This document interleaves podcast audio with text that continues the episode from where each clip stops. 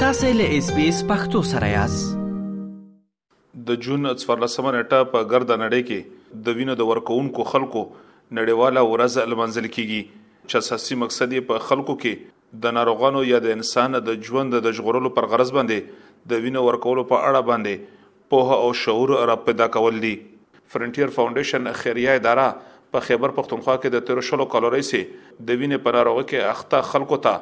وینه او ګران بیه دارو وړیا ورکوي.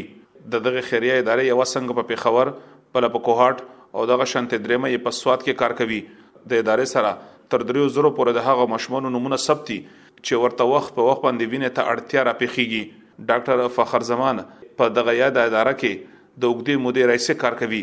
دوی د څوارلسم جون د دغې نړیوالې ورځې د ارزښت په اړه باندې اس بي اس راډیو ته وویل. ده په څوارلسم جون باندې په ټوله نړۍ کې د وینې ورکولو نړیواله ورځ لمانځل کېږي او د دې اهمیت او د دې ضرورت دا دی د دې لپاره لمانځل کېږي چې مونږ په خپلو خلکو کې په خپله معاشره کې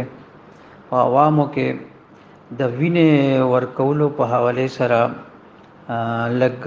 شعور پیدا کو لګ آگاهی پکې پیدا شي په زمونږ د خلکو کې ځکه چې زمونږه په د پښتونخوا سیمه کې خصوصا او پاکستان کې عموما د وینې ورکولو حواله سره دومره آگاهی نشته دی بلکې خلک د وینې ورکولو نه یریږي او د دې وینې ضرورتمند مریضان چې دي ډېر زیات دي او د وینې ورکولو خلک چې دي ډېر کم دي نو ځکه زمونږ په دې سیمه کې د دې وینې نړیواله ورځ چې ده په څوارلسم جون باندې د دې اهمیت ډېر زیات دی موږ وایو چې خلکو ته دې باره کې معلومات وشي او بله خبره دا ده چې د څوارلسم جون د ورځ ځکه مونږ د وینې په حواله سره لمانځو چې هغه خلک چې مستقل بنیادونو باندې ریګولر بلډ ډونرز دي هغه وینا اتیا کوي نو هغه خلکو مونږه شکریا ادا کو هغه ته خراج تحسین پیش کو ځکه چې د داسې خلکو په وجه د زمونږ چې کوم د ناروغان دي د تریسیمیا د هیموفیلیا د بلډ کینسر یا د وینې نور هغه ضرورتمند مریضان چې په ایمرجنسي کې د وینې او ته ضرورت وي چېرته اکسیډنټ وشي هسپتال کې اپریشن وي نو د ټولو مریضانو د وینې ضرورتمند مریضان چې دي د دې زندگی د دغه چې کوم ریګولر بلډ ډونرز دي د غوي په وجه بچ کیږي ډاکټر فخر زمان زیاتوي چې د وینې د ناروغانو د سوا کېدو اساسي علت ډاکټر فخر زمان وایي چې د وینې ناروغي په اساسي توګه باندې یو مورثي ناروغي ده چې د مور او پلار نه بیا بچی ته انتقالیږي د دوی پر وینا باندې چې د واده نه وړاندې دغه شانتې ځینې طبي معاینات دي چې لازم پکار دي. تلېسیمیا او د وینې یو موروثي مرض دی چې دا د مور او پلار طرف نه کوم چې د تلېسیمیا کیریئر یا ماینر والدین وي د هغوی طرف نه د دې په ماشومانو کې منتقل کیږي او بیا دې بیمارۍ ته تلېسیمیا میجر وایي او دغه ماشومانو بدن چې دی د وینه نشي جوړولی په خپله خاص کر د وینې د سره ذرې چې سره خلیات یا ریډ سیلز چې ورته وایي نو هغه په د تریسیمیا ماشومانو کې نه جوړیږي او دغه وجه دا چې بیا دوی ته بلډ ترانسفیوژنز کیږي یعنی د وینه ورته لګي په میاش کې دوا ځله یا درې ځله او یعنی هر 15 شل ورځې پس د تریسیمیا ماشومانو ته بلډ ترانسفیوژن کیږي او دغه بیماری د ماشوم چې کله پیدا شي نو د دې علامات تقریبا د سلور 15 میاشتې عمر چې شي د ماشوم دغه نه پس شروع شي او په دې بیماری کې د ماشوم رنګ چې دی دا زیړوالی کوي ځکه چې وینه یې کمه وي او دې نه علاوه کمزوري او وده نشي کولی څنګه چې نارمل ماشومان ګروت کوي د هغه شانته ګروت نشي کولی بل د دې با امیونټي کمزوري قوت مدافعت کمزوري دی باندې مختلف قسمه بیماریاں د زر زر په اثر کوي دی وجنه دی هر وخت بیماری اکثر بیماری او بل د دې تورې او جګر یینا د دې سایز هم غټ شي د زړه سایز هم غټ شي نو دا مختلف علامات وي او ټریټمنټ چې دی هغه هم دا دی چې دې ته بلډ ترانسفیوژن کېږي ریګولر او بل دا دی چې یو مستقل علاج دی هغه ته بون میرو ترانسپلانټ وای او بون میرو ترانسپلانټ چې دی هغه د پر یو هیلدی ډونر پکاره او هغه ډیر یو ایکسپنسیو علاج دی نو ډیر خلک هغه نشي افورد کولای دی وجنه اکثر خلک هم دغه بلډ ترانسفیوژن باندې وخت تیری د وینې د ناروغانو د شمیرو په اړه باندې ډاکټر فخر زمان ایس بي ایس راډیو ته زیاته کړه چې په ګرده هیواد کې دغه شمیرې تر یو لاکو پورې دي چې بیا یې پکې پنځه ویشت زره د خیبر پښتونخوا نه دي دوی ویل چې د واده نه وړاندې د جینې او د هلک کورنۍ ته پکار دي چې ځینې لازمي معاینات وکړي چې دغه خبره پکې جوته شي چې ایا په راتلونکي کې چې کوم ماشومان زیږیدونکي دي د وینې د ناروغۍ کوم خطر نه دی ورپېښ. د جی پاکستان کې د تلیسیمیا میجر د ماشومانو ای د مریضانو تعداد چې دی دا یو لک پورې دی ایک لک مریضان دي په پاکستان کې. او په خیبر پښتونخوا کې تقریبا 25025 مریضان د تلیسیمیا میجر د موجود دي او د دې بيمارۍ بنیادی وجه دغه دوا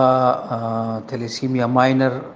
کسانو په خپل مینس کې واده دي او اکثر په خاندان کې د نشي کوم وادونه کیږي بار بار په هغه کې د دې شرح ډېره زیاتې نو ځکه مونږ وایو چې د واده نه مخکې د تلیسیمیا ټیسټ کول پکار دي چې هر چاته د خپل تلیسیمیا سټیټس معلوم وي او کچرته د واده نه مخکې الک او جنې دا ټیسټ وکړي او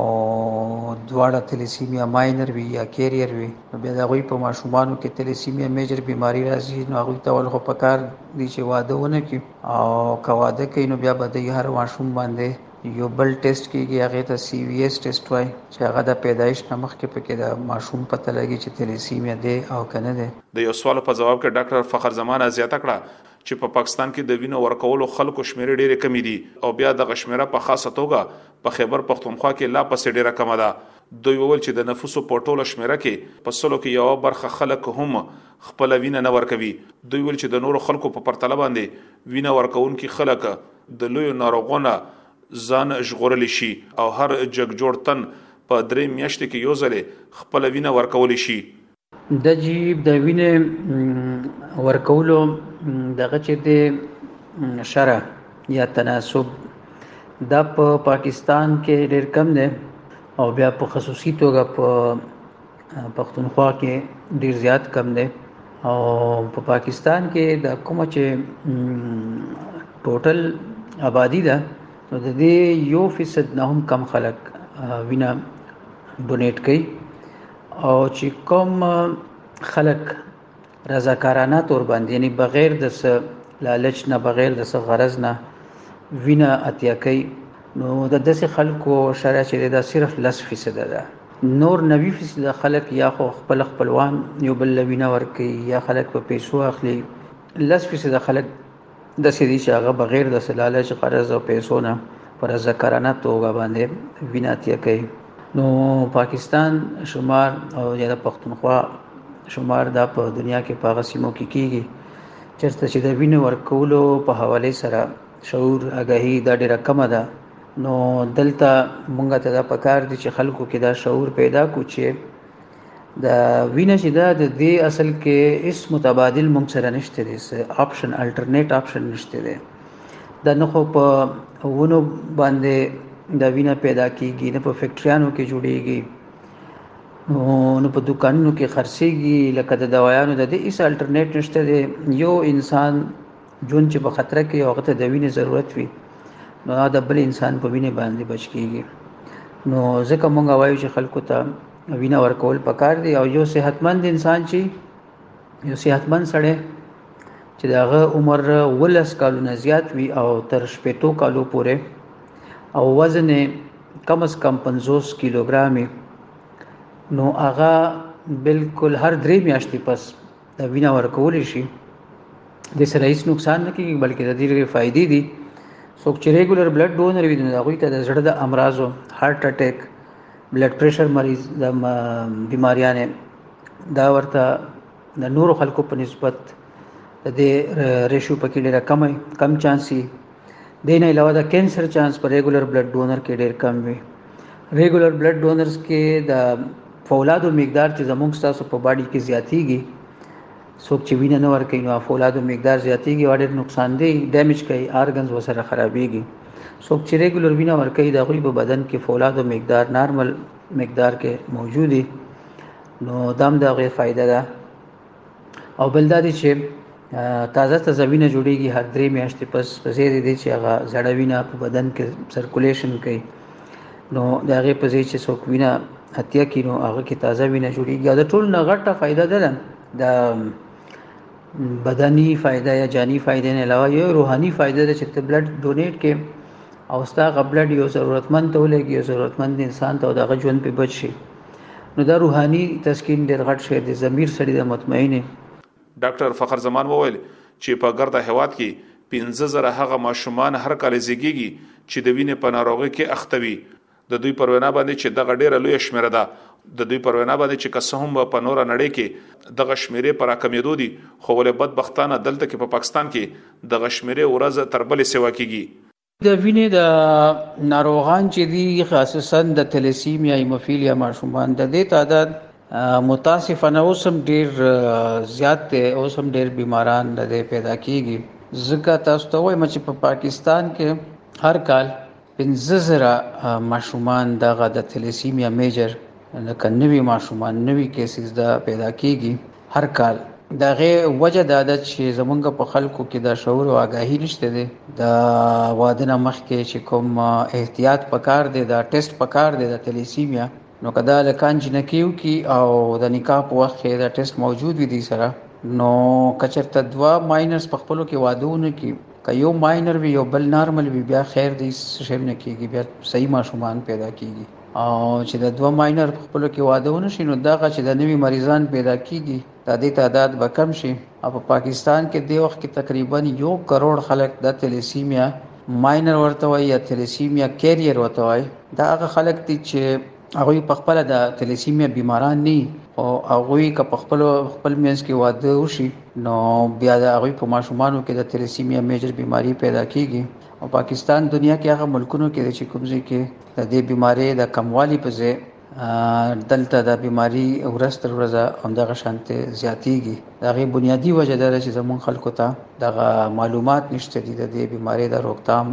او د مخنیوي په حواله سره نو دا د وینې د نړیواله ورځ چې مونږ لمانځو یا د تلیسیمیا نړیواله ورځ چې کله مونږ لمانځو دغه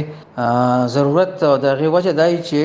مونږ خلکو ته بار بار دغه پیغام ورسو د میسج ورسو چې د دې بیماریانو نه مخنیوي څنګه کېدای شي او وینه ورکول د ولې ضروري دي. څه موده وړاندې په خېبر پښتونخوا کې دغه شانتې یو قانون رامنځته شوی و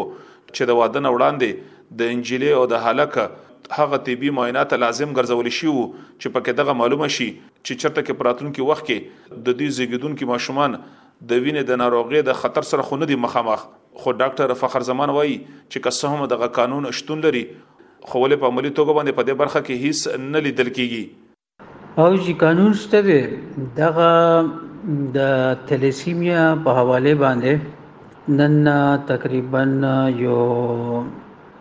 دیارلس څوارلس کاله مخکې په دوه زره نهم کال کې دغه پښتونخوا اسمبلی کې یو قانون پاس شوی دی چې واده نه مخکې د تلیسیمیا ټیسټ دا لازمی دی منډیټری دی ضروری دی خو دغه قانون باندې اوس پورې امپلیمنټیشن یا عمل درآمد دا نه دی شوی نه د دې څه طریقه کار جوړ شوی دی پاکستان د نړۍ په هغه هېوادونو کې شمار دی چې په وینه اخته ناروغانو شمیره یې ورځ تر بلې ډیریږي چې اساسي علتونه یې په کورنۍ کې د خلکو ودونه کول دي او د واده نه وړاندې معاینات ایب ګڼل کیږي اسلام ګل افریدي اس بي اس رادیو پیښور